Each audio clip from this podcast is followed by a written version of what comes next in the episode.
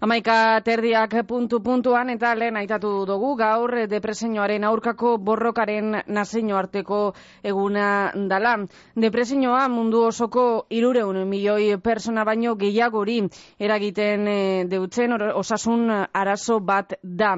Espainiako estaduan bizitzan zehar depresio larriren bat daben personen kopurua Euneko amasei koma boste da emakumeen kasuan eta euneko sortzi koma bederatzi gizonen kasuan. Honek e, dira bildutako datu batzuk, e, baina gehiago jakiteko Maider del Rio psikologea daukagu, amen, bizkaia irratian zuzenean. Maider, egunon? Egunon. Egunon eta ondo etorri bizkaia irratira. Bueno, Maider, e, konta iguzu, e, depresioaren e, sintoma nagusiak e, ezagutu gura dugu, e, zeintzuk dira? Bai, ba, ba gaizotasun mental bat da, ez da, zeuke, zeuke duzu moduan, eta ba, e, nahiko arrunta dala, gebre artean e, depresioa daukaten e, pertsonak inguran eukitea.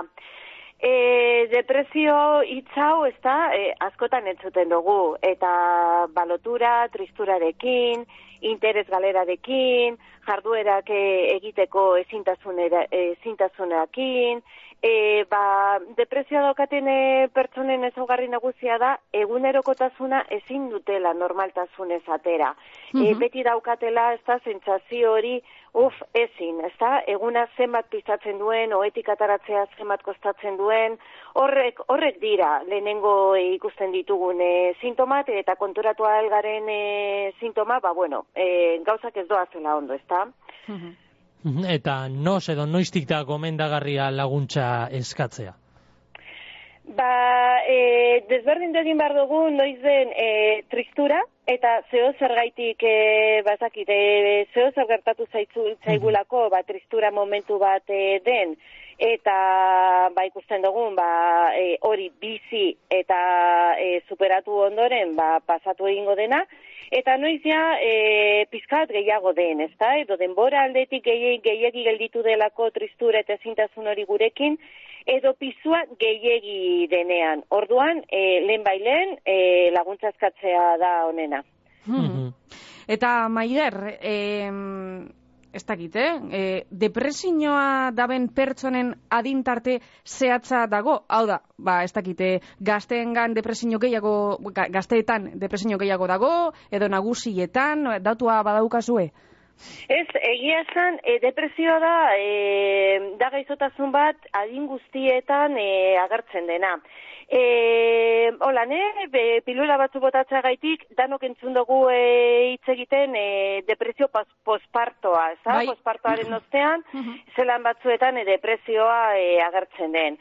E, gazteen artean ere, e, depresioa eta antzietatea e, gaur egun e, ba, gaizotasun mental e, nagusi dira eta eta alduetan e, baita ez da eta e, asko lotuta ba, bakardadearekin eta ezintasunekin askotan agertzen da baita. Mhm. Eta azkenengo urteetako joera bizkaian zelakoa da, ze askok dinoe pandemiak eragindako konfinamendua eta gero ez dirala ondo sentiduten eta dinot luzaroan, ez dala epe laburreko lan tristura. Bai, pandemiak e, denean, osasun mentalean, eta fizikoan baita, eh, eragin itzel aukin daue denotan.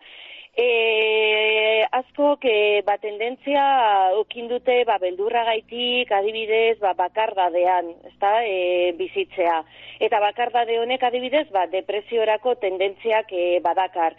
Fizikoki ere, e, ba, pandemia izan dela eta, eta ba, etxean pasatu dugun denbora gaitik, ba, fizikoki galerakukin ditugunok, ba, horrek ere ba, aktivitateak egiteko, kanporantza begira ere, ba, ba, bueno, ba, galerak ere eukin ditu, eta orduan, bueno, ba, badauzkagu hor, e, hainbat eta hainbat e, gauza gertatu zaizkigunak, ba, tendentzia hori ez da, ba, juago egotera, e, ba, ba, orain hori agertzen dela.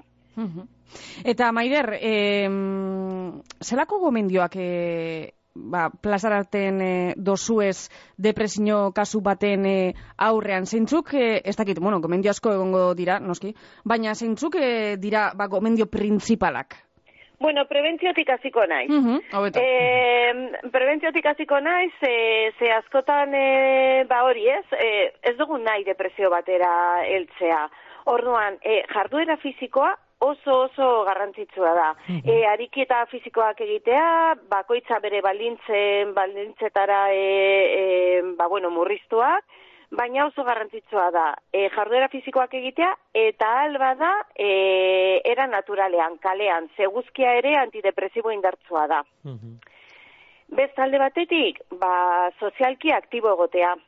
Garrantzitsua e, harremanak eukitea, bai, edo e, fizikoak e, ezagutzen ditugun e, pertsonekin, edo, edo virtualak baita, ez da, irratiak e, zenbat eta zenbat ordu betetzen digun e, gure bizitzetan, eta hori ere Mhm. erlazio soziala da. Mhm, da. Bakarrik ez egotea, bakarrik ez sentitzea, eta e, laguntasun hori sentitzea. Beste bat, ba, gauza berriak e, egitea edo, edo ikastea, edo lehen gustatzen zitzaizkigunak e, berriro berreskuratzea. E, batzuetan hitz egiten ditugu, ez da, ba, jo, ba, lehen gustatu egiten zitzaidan, edo gogoratzen du lehen gustatzen zitzaidala, e, margoztea, baina urte pilo bat da, ba, ez dudala egiten. Bueno, ba, horrek, horrelakoak eta momentu gozoak e, pasatzea norberarekin ere, ba, ba garrantzitsua da, momentu batean e, ez dakit egunkaria, edo aldizkariren bat e, gainetik e, irakurtzea. Nahikoa atzeren hartzea, hau ere oso garrantzitsua, e, askotan e, loaren higiene hori eta e, ez dugu zaintzen. Eta garrantzitsua da, orduak ondo mantentzea, loa ondo mantentzea, eta batez ere nahiko lo egitea. Mhm.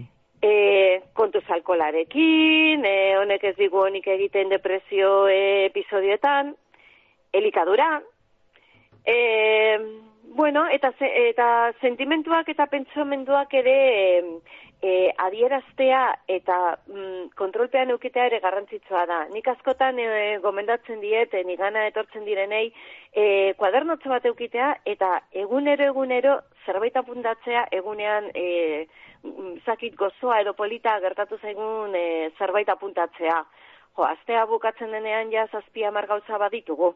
Eta txarto sentitzen garenean berriro kuaderno horretara bueltatzea eta erakurtzea, ba, bazkotan lagundu egiten digu.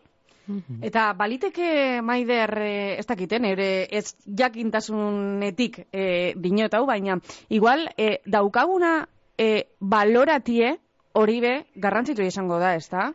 Ze garrantzitsua. Bai, ez Ze garrantzitsua, be, ja, gure egunerokotasunean ditugun gauza positiboak e, baloratzea oso oso garrantzitsua da. Ze e, hori da, daramaguna, ez da? E, ez bakarrik bilatzea akatzak, zer ez dugun ondo egin, Bueno, ez duguna ondo egin, ondo dago, begiratu egin behar dugu, ba, e, hobetze prozesu bat egiteko. Baina daukaguna ere, baloratu egin behar, ez da? Mhm. E- Eta etorkizunari begira, baikorra zara, depresioaren gaixotasunaren bilakara, bilakaeragaz, denboraren poderioz badirudi gizarteak aldakuntza handiak biziten ari dituala eta horren arira ez dakite osasun mentalean zelako eraginak euki aldagoz. Ba, ba positiboa izan behar, e, nik benetan e, zineztu egiten dut, e, zelako lana egiten e, ari zareten e, zuek ere, ba, e, osasun mentalari buruz e, it, e, ez da hitz egiteko eta e, gai honek e, kalera eta maigainera e, ataratzeko. E, osasun mentalari buruz hitz egitea beti da positiboa, beti atara, ataraldu e, zerbait positiboa, ba, adibidez, e, bakarradean ez sentitzea horrelako zeo zer sentitzen ari banaiz, ezta? Lehen, e, psikologora joatea, edo nortzu joaten ziren e, psikologora, e, bueno, ja zeudenak, e, lur jota, fatal zeudenak. E, e, orduan, klaro, psikologora joatea eta e, osasun mentalari buruz hitz egitea, e, baina e, estigma bat zeukan. Gaur egun, ni dut indarrazko egiten e, ari garela, batez ere zuek, e, ba, ba, bueno, e, pertsonazko heldu alzaretenok, ez da? E, horrelako gaiak ataraz, hor daude egunkariak, hor daude aldizkariak, uste dut e, osasun mentalari buruz askoz gehiago dakigula, e, dudari gabe askoz lehenago joaten gara psikologoaren gana laguntza eskatzera, eta eta noski e, prebentzioan zenbat eta eta zenbat lan egiten ari den. Orduan, e, bai, ni positiboa naz eta usteot e, asko daukagula hobetzeko. Ganera esan dozuna, Maider, e, aurrera pausu itzela emundalen e, tabua zan, erdi tabua zan, ez da? Psikologora e, joatean, nire garaian, bueno, gontzale gure garaian, txikia ginenien, ba, bueno, psikologora juten ziran, ba, soratutak e, egozanak, eta gaur egun, hori alde batera itzi dugu, eta badakigu, dagoena, eta psikologoa beharrezkoa dala. Bai, e, pertsonak e, gainera lasaitasun asko zetortzen dira, e, deitzen dute, konfidantzarekin datoz, e, buelta itzala izan da, eta bueno, balen, e, pandemia garaia, e, e, pandemia garaiari buruz hitz egin dugu, ba, e, era negatiboan, ez da? Bueno, buelta emango diot.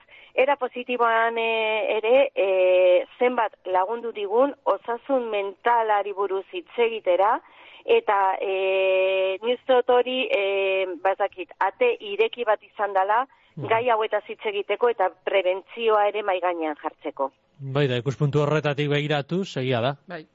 bai, bai, da. Eta lehen haitetu dozu, e, Maider, bakardadea, e, pandemiak ekarritako bakardadea. E, egia da, bakardade zentzazino horrek, e, ba, bueno, e, ez dakite, pandemia eta gero, baina pandemia aurretik be, horrek, bakarda desentzazio horrek eh, depresinoa eragin leike. Ze puntura arte? Bakardadea oso oso gogorra da e, eramatea. Azkenean batez ere bakardadea ez denean aukeratua. Bai, gauza mm. da, e, bueno, ba, prozesu baten ozian erabakitzen dudanean, denbora bat bakarrik egotea nahi dudala, e, ba, ba, nitan pentsatzeko edo zelane aldatzea nahi dudane pentsatzeko eta beste e, bakardade mota da e, baia nik aukeratua ez dudanean bakardade hori eta bakardade hori sentitzen dudanean eta ezin naizenean hortik atera.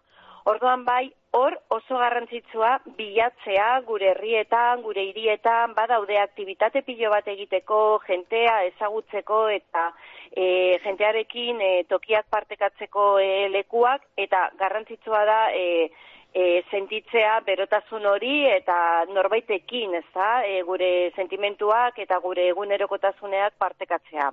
Mm Ba, guztiz beharrezkoa dan mesua, zabaldu bai. dozula uste dugu maider eta noski mila esker geure geugaz bat egitearren geugaz prest egite prest egoteko berba egiteko prest egotea gaitik esango dut.